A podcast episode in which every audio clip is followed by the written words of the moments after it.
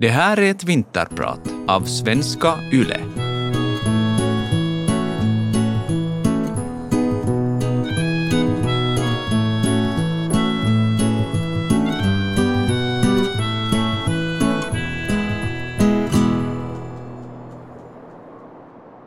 Det är 15 år sedan nu.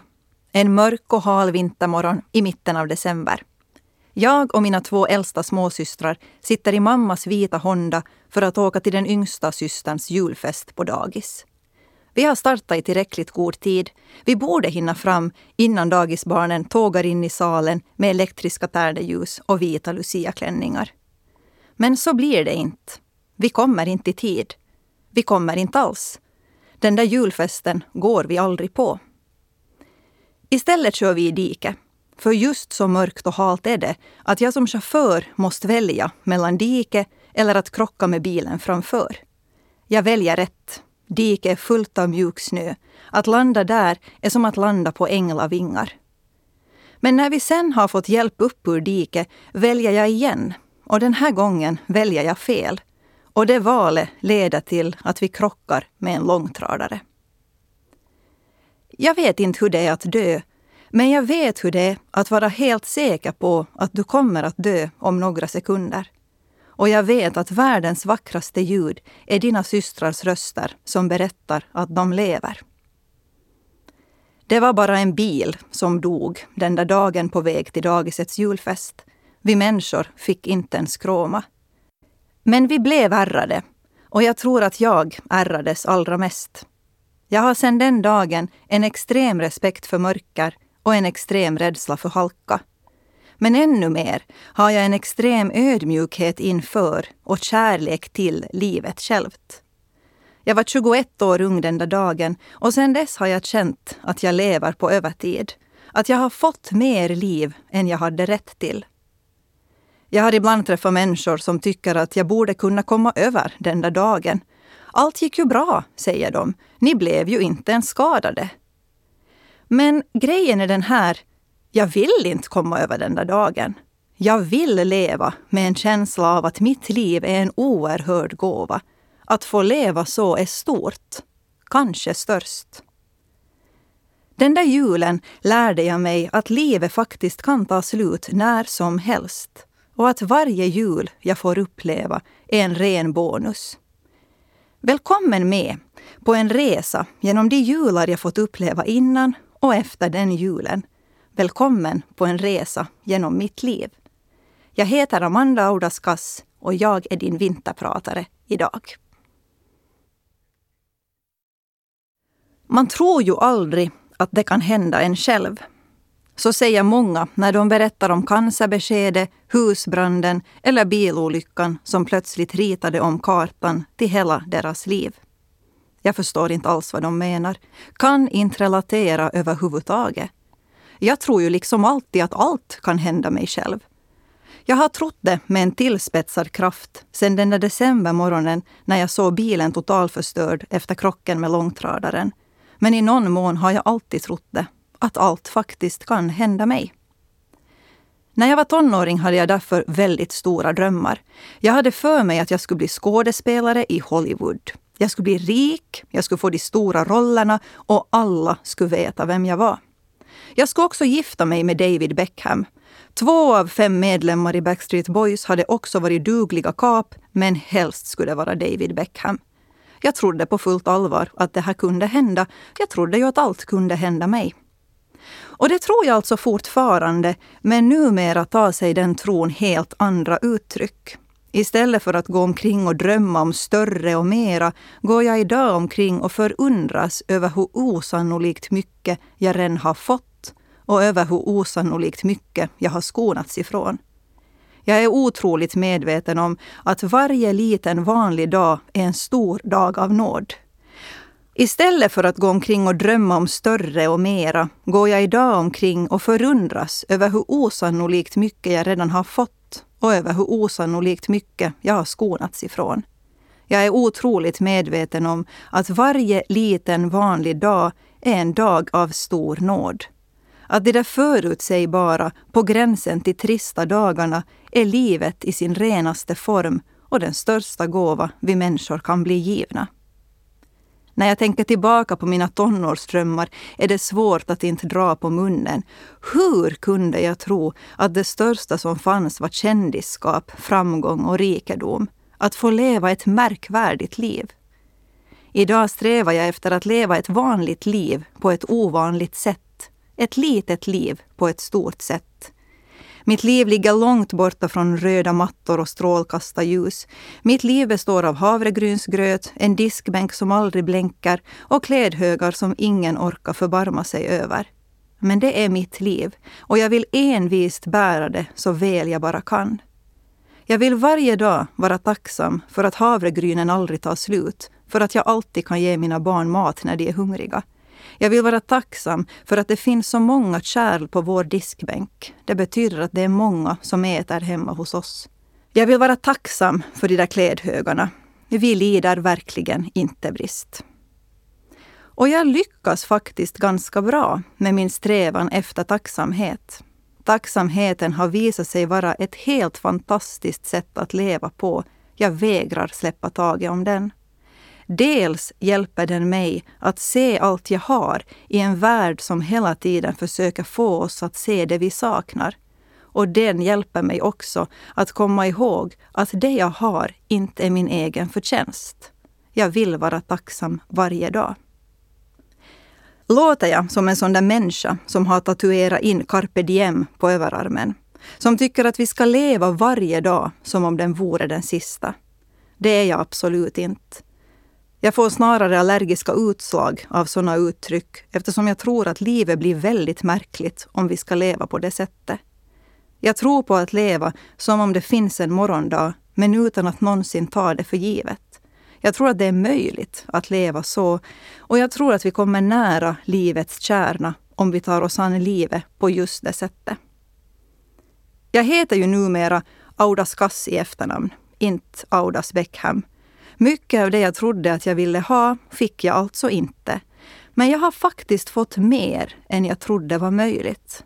Jag hade ingen aning om hur stort man fick drömma. Och framför allt hade jag ingen aning om vad stort innebär på riktigt. Ibland kostar en insikt en hel bil en morgon på väg till en julfest. Ibland är en insikt också värd det priset. Det är julafton 2002. Det är julbön i Pedersöre kyrka. Om du aldrig har varit på julbön i Pedersöre kyrka så borde du gå. Det är magiskt. Så där som det blir om du är på julbön med tusen, ja faktiskt tusen andra. Det är mycket trångt om saligheten. Vi får sitta i sidled och nästan i famnen på varandra för att rymmas och ändå sitter och står folk i kyrkogångarna också. Josef och Maria är här, herdarna, en ängel, en hel barnkör av änglar, visa män. Det är oftast exakt samma sånger som året innan och året innan det. Och det är så vi vill ha det. Det är så det är jul. Just det här året, 2002, är julbönen alldeles speciellt magisk. Jag och min familj har kommit i mycket god tid, en hel timme innan julbönen börjar, för att få sitta längst fram. Och vi sitter nästan helt skamlöst på den bästa platsen i hela kyrkan. För i år måste vi se jättebra. För i år är jag nämligen kär i honom som ska spela Josef.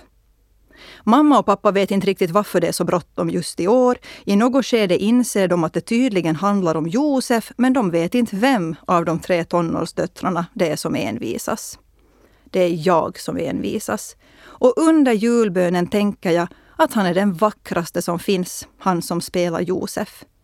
Men mitt i stilla natt grips jag av panik. Tänk om han egentligen är kär i hon som spelar Maria. Jag kastas mellan hopp och förtvivlan under den där julbönen och den blir min minst harmoniska julbön någonsin. Så där som det kan bli när man är galet kär men inte ännu har vågat erkänna det. Bara några dagar senare blir han som spelar Josef min pojkvän. Jag är 19 och ett halvt och har varit kär många gånger, men aldrig i någon som också har varit kär i mig. Det här är första gången jag är lyckligt kär och att få vara det slår det mesta jag hittills har varit med om. Han som spelade Josef heter Fredrik. Han var min första lyckliga kärlek och om jag får som jag hoppas och ber så blir han också min sista. Vi gifte oss när jag var 21. 21! Jag vet vad du tänker. När man är 21 kan man ju knappt välja studieinriktning eller färg på vardagsrumsmattan och då valde jag livskamrat. Jag har aldrig ångrat att jag valde redan då och jag har aldrig ångrat att jag valde just honom. Det finns inga sånger om vår kärlek. Ingen skulle någonsin komma på idén att göra en film. Vår berättelse är alldeles för tråkig. Det finns ingen tydlig dramaturgisk kurva, knappt ens en otydlig. Det finns inga häftiga vändpunkter och inga oöverkomliga hinder. Och det finns ingen skådespelare som skulle göra honom rättvisa. Det finns bara två människor som valde varandra när de var nästan vuxna och som aktivt har fortsatt välja varandra alla dagar sedan dess. Han är inte alls den man jag trodde att jag skulle välja. Jag hade tänkt mig en sån som kommer in i ett rum och äger det. En sån som lyser. Istället fick jag en man som får andra människor att lysa. Som hellre tänder stjärnor än är en stjärna. Om jag någon gång gnistrar till i något som påminner om lyskraft så är det till stor del tack vare honom. Han har nämligen aldrig hållit mig tillbaka. Han har tvärtom alltid uppmuntrat mig att göra och våga Också de gånger som han får betala priset för det. Det bästa med oss är att vi fortfarande egentligen bara vill vara tillsammans. Att vi efter 15 år aldrig har längtat bort från, men nästan dagligen längtat till den andra. Att allt är lite roligare och bättre när han är med och att ingenting riktigt har hänt förrän jag fått dela det med honom. Fredrik, du är den största gåva jag har fått. Jag är så sjukt glad att du inte var kär i henne som spelar Maria, utan i henne som satt längst fram i kyrkan och insåg att du är vackrast i världen. I henne som fortfarande inser exakt samma sak. Älskling, jag har aldrig tröttnat. Hon är inte ens en månad gammal när hon spelar Jesus i julkyrkan. En stor roll för en som är så liten. Och samtidigt är hon ju så oerhört stor. Ibland undrar jag om en människa någonsin tar lika mycket plats som när hon är som allra minst. Hon fyller liksom hela rum med sin närvaro när hon är en halv meter kort och väger 3700 gram. Hon fyller hela salar och hus. Hon fyller faktiskt hela världar. Och just den här lilla människan fyller hela min värld. Faktum är att jag själv inte riktigt ryms i min värld längre. Jag nästan kvävs. Det är en månad sedan hon föddes och jag vet inte om jag har känt mig riktigt lycklig en enda gång sedan dess. Visst, det har funnits stunder då jag har varit glad, men också i de stunderna har det funnits en skugga av känslighet, matthet, ledsenhet. Jag har gråtit varje dag sedan hon föddes. Många av dagarna nästan otröstligt. Mina äldre barn har börjat vänja sig vid mina tårar. Jag har nästan börjat vänja mig själv har sakta förlikat mig vid tanken på att livet kanske inte blir roligare eller bättre än så här med tre barn. Att det här är det nya normala. När lilla Hilde-Jesus ligger i min famn i julkyrkan tänker jag att jag älskar henne mest av allt i hela världen men att jag avskyr att det måste vara så här svårt. Måste priset för den här kärleken vara så här högt? Lilla Hilde är önskad och efterlängtad precis som sina äldre syskon. Vi ville dem och vi fick dem och vi är mycket och smärtsamt medvetna om att vi därmed är mer lyckligt lottade än många, många andra. Så mitt i min känslighet, matthet och ledsenhet finns också en stor skam. Jag har ju fått allt jag ville ha, så vad gråter jag egentligen för? Sanningen är att jag inte vet vad jag gråter för, men jag känner igen gråten.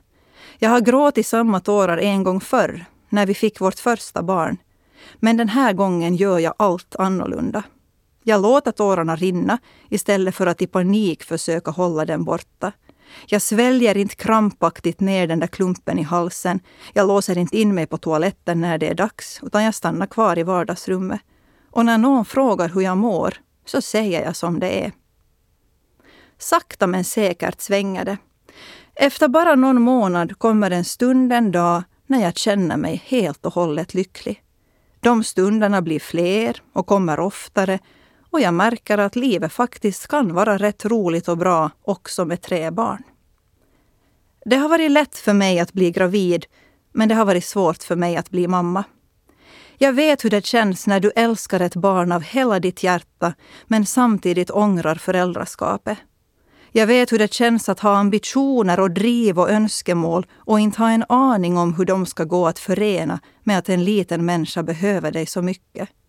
Jag vet hur det känns att ge mer än du egentligen har råd med och ändå känna att du inte har gett nära på tillräckligt. Jag vet hur det känns att bli golvad av kärlek. Hur det känns att veta att just du har fått hedersuppdraget att bli mamma till de ljuvligaste ungar världen någonsin skådat. Jag vet hur det känns att förundras över hur mycket kärlek och styrka du faktiskt har inom dig när du måste. Jag vet hur det känns när hjärtat brister av stolthet över att du får höra ihop med de här helt fantastiska barnen. Jag vet helt enkelt hur det känns att vara mamma. Ingrid, Arvid och Hilde, ni borde ha fått världens bästa mamma. Ni fick mig. Jag kommer aldrig någonsin att förtjäna er. Jag kommer aldrig någonsin att sluta försöka. Jag heter Amanda Audaskas. Jag jobbar som läsambassadör och just nu är jag din vinterpratare. Det är så skönt med dig, för du tror ju inte så där jättemycket på Gud, säger min studiekompis lite plötsligt. I all välmening, förstås. I hennes värld är det antagligen en av de största komplimanger en kristen människa kan få, att hon inte tror så där jättemycket på Gud. Om sanningen ska fram, och det ska den, för ingenting annat är värt något, så fanns det en tid, en ganska lång tid, när jag höll med henne. När det finaste omdöme jag kunde tänka mig var ett omdöme som sa att jag inte trodde så där jättemycket på Gud. Men grejen är den att jag tror jättemycket på Gud. Jätte, jätte, jättemycket faktiskt. Och jag vet att det är en besvärlig sak att säga, men jag kan inte säga något annat. Jag kan ju inte prata om mig själv en hel timme och utelämna den kanske absolut mest avgörande biten bara för att det skulle vara mer rumsrent och mindre provocerande. Så nu är det sagt. Jag tror på Gud. Inte så där lagom mycket. Inte så där att jag hoppas lite vagt på att det finns något större än det vi ser eller ett liv efter det här. Nej, jag tror på riktigt att Jesus är grejen. Jag tror att han är den han säger sig vara världens ljus och hopp. Och när han ber mig följa honom så vill jag göra precis just det. Jag vill gå i de fotspår som han trampade upp i sina sandaler för 2000 år sedan. Inte för att det är lätt. Nej, han lägger ribban sjukt högt, den här Jesus. Han talar om att vi ska sälja allt vi äger och ge pengarna till de fattiga. Han uppmanar oss att hugga av de kroppsdelar som kan få oss på fall. Han menar att det är lättare för en kamel att komma in genom ett nålsöga än det är för en rik man att komma in i Guds rike. Han befaller oss att älska vår nästa som oss själva och han ger oss inga falska förhoppningar om att vår nästa är bara de människor som det är lätt och roligt att älska. Jag misslyckas ofta. Ibland ser jag inte ens ribban. Den som vill följa Mästarnas mästare får leva med att misslyckas hela tiden. Att vara bristfällig och otillräcklig blir en given del av ens identitet. Det kan te sig lite sorgligt, men egentligen är det ganska härligt. För just den här mästaren är också mästare på förlåtelse och nåd. Bara den bristfälliga och otillräckliga vet att hon desperat behöver nåden och bara den som själv törstar efter nåd och som har fått möta den kan visa nåd i mötet med andra. Den här veckan går fler finländare i kyrkan än någon annan vecka. Jag är helt säker på att en del av de människorna inte tror så där jättemycket på Gud. En del kanske inte alls. Men jag är också ganska säker på att de flesta hoppas, åtminstone jättelite. Tänk om den här berättelsen, världens kanske allra bästa berättelse, faktiskt är sann. Tänk om det finns en Gud som ville dig och mig och alla andra och som ville oss så mycket att han sände sin enda son till jorden för att skriva om mänsklighetens hela historia. Tänk om han utsåg en helt vanlig flicka till att bli mamma till sin egen son. Tänk om han lät ett gäng fattiga och frusna herdar vara de första som fick se himlen på jorden och några rika och visa män vara de andra, för att visa att precis alla är välkomna och att han aldrig någonsin kommer att göra skillnad på oss. Tänk om. Och tänk att jag får tänka att ja, just precis så där är det nog. Att tro är för mig att varje dag leva i visshet om att jag är buren och älskad och ämnad. Att tro är för mig att varje dag leva i visshet om att du är buren och älskad och ämnad. Den berättelsen vill jag bygga hela mitt liv på. Får jag ställa dig en fråga? Hur trött är du just nu? Julen är magisk, säger vi ofta. Men den magi som julen innebär förutsätter att någon viftar med trollspöet.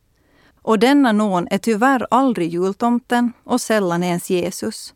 Denna nån är ofta en helt vanlig människa utan tillgång till de övernaturliga trollspön som egentligen krävs. Så jag ställer dig en fråga. Hur trött är du just nu?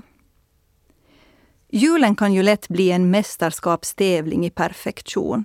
En ihärdig jakt på idyll och harmoni och frid. Vid sidan av det heltidsjobb som också alla andra månader i året kräver alldeles tillräckligt mycket av oss ska vi i december dessutom agera festfixare på minst deltid. Vi ska baka pepparkakor, lussebullar och jultårtor.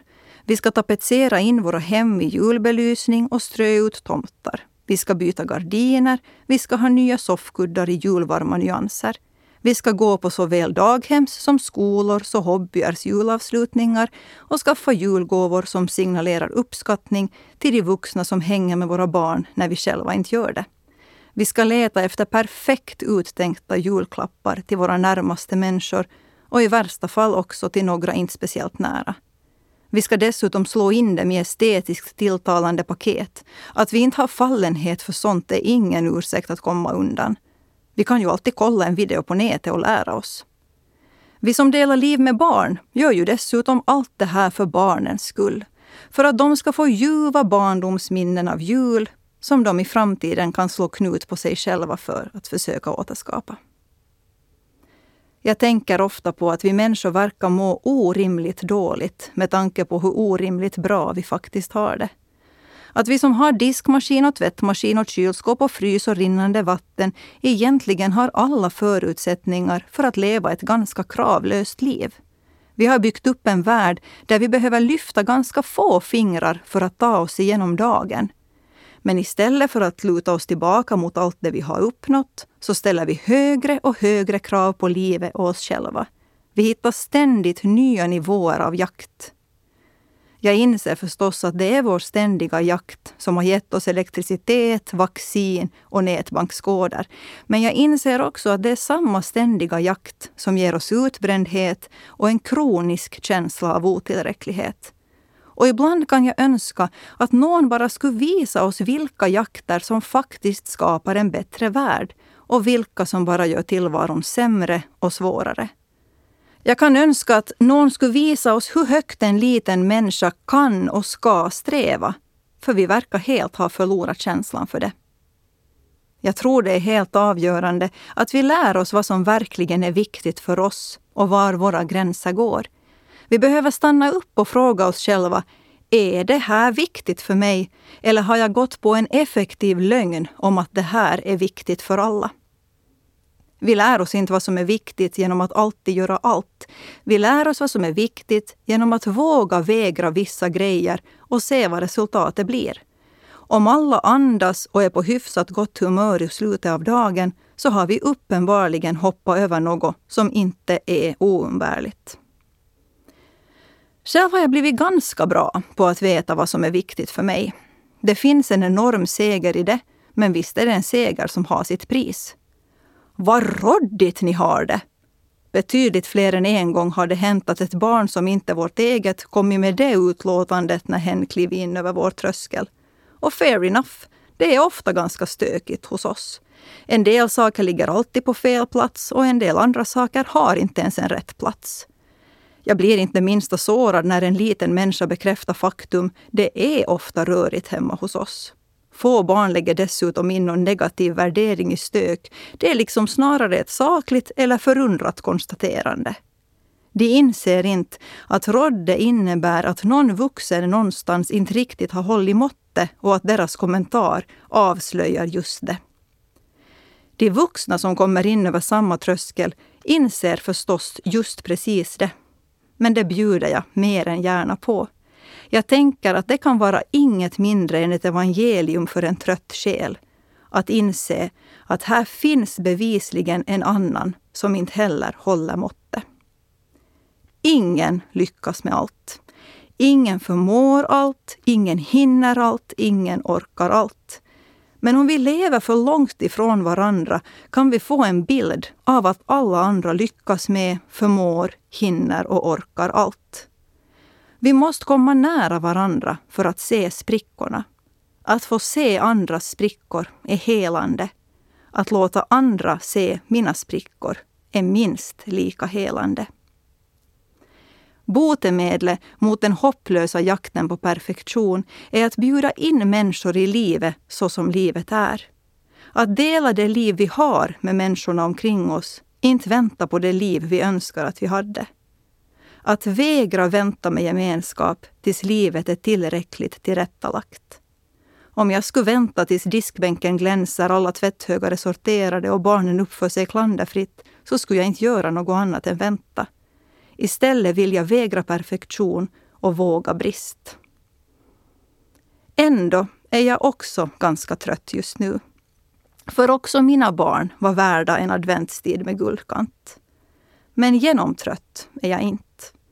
För ännu mer var de värda en adventstid och är de värda en vardag med en förälder som orkar tycka att livet är roligt. Om de måste välja mellan glittrande guldkanter och en glad mamma vet jag vad de väljer. Alla gånger vet jag det. Om jag måste välja vet jag också. Alla gånger vet jag det. Du tror kanske att julafton alltid är den 24 december. Men jag kan berätta för dig att julafton är när den behöver vara. Åtminstone i min barndomsfamilj. Alla familjer har ju sina egenheter i min barndomsfamilj har vi en prästegenhet. Jag vet inte om vi är direkt för många präster, men vi är i alla fall inte för få. Jag är både prästfru, prästsyster och prästdotter. Och det betyder att julafton är en knepig dag för oss att samlas. Jag minns faktiskt inte när vi senast har firat julafton på julafton, men länge sen är det. Det finns många orsaker att älska min mamma. En av dem är att hon är okonventionell på helt rätt sätt. Så istället för att hon och pappa ställer till med julmiddag den 24 december och säger att de som kan får komma, så frågar de när kan alla komma? Och så blir det julafton då. Inte så där att vi bara samlas och ses. Nej, så där att den dagen, när den än råkar vara, är den riktigaste julaftonen för mig. Den dagen äter vi först risgrynsgröt till lunch och sen kalkon till julmiddag. Vi har julklappsutdelning. Något år har vi därför hyrt in en jultomte på nyårsafton och på det sättet bidragit till att förlänga en ytterst kort säsong. Vi firar också julbön. Någon glädje ska vi ju ha av alla de där prästerna. Vi firar helt enkelt julafton. Det är ju inget magiskt med datumet 24 december men det är något magiskt med att vi får vara tillsammans allihopa. Varje år känner jag en enorm tacksamhet över att jag både får och faktiskt vill fira jul med de här typerna. Julen är ju en så inrotad familjehögtid att den oftast firas med familj, vare sig vi vill eller inte. Och det är ju långt ifrån alla som vill vara med de människor som de är med på julen. Det finns många svåra och infekterade relationer i familjer och de är inte mindre svåra och infekterade bara för att juleljusen lyser. Det är väl snarare så att någon med julen liksom förstärker allt, skruvar upp ljudnivån på soundtracket till vårt liv. Allt det fina vi har glimmar till med sällan skådad glans, men ljuset kastas också obarmhärtigt på allt det vi saknar. Det finns ingen nåd i det. Den ensamma är aldrig lika ensam som när julen kommer. En tom famn, aldrig lika tom. En sjuk människa, aldrig lika sjuk. En tunn plånbok, aldrig lika tunn. För alldeles för många av oss är julen en svår tid. Kanske den allra svåraste. Jag tror ju inte att vi är vår egen lyckas eller olyckas smed eller att den som lider får skylla sig själv. Snarare är vi offer för omständigheter som vi inte valde och situationer och orättvisor som bara drabbade oss. Den som lider brist när julen kommer förtjänar det inte. Lika lite som vi som firar vid dignande bord gör det för att vi förtjänar det. Däremot tror jag att vi kan vara en annan människas lyckas smed.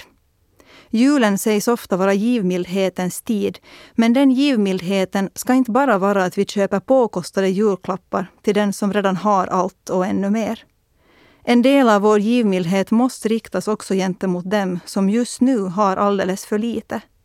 Vi kan förstås inte rädda alla, men vi får inte sluta försöka rädda dem vi faktiskt kan rädda bara för att det stora slutmålet känns omöjligt att nå. Vi som har mer än vi behöver, behöver ge av det vi har. Dels för att det gör skillnad för dem vi hjälper, men också för att det gör skillnad för oss som hjälper. Vi som har fått se fram emot julen 2019 med glädje och förväntan har all orsak att vara tacksamma och all orsak att dela med oss av de välsignelser vi har fått för att tända lite ljus i andras mörker. I år är det vi som har ljus att dela med oss av. Något annat år har vi mörker och behöver andras hjälp. Ljuset blir större när vi sprider det. På riktigt. Testa.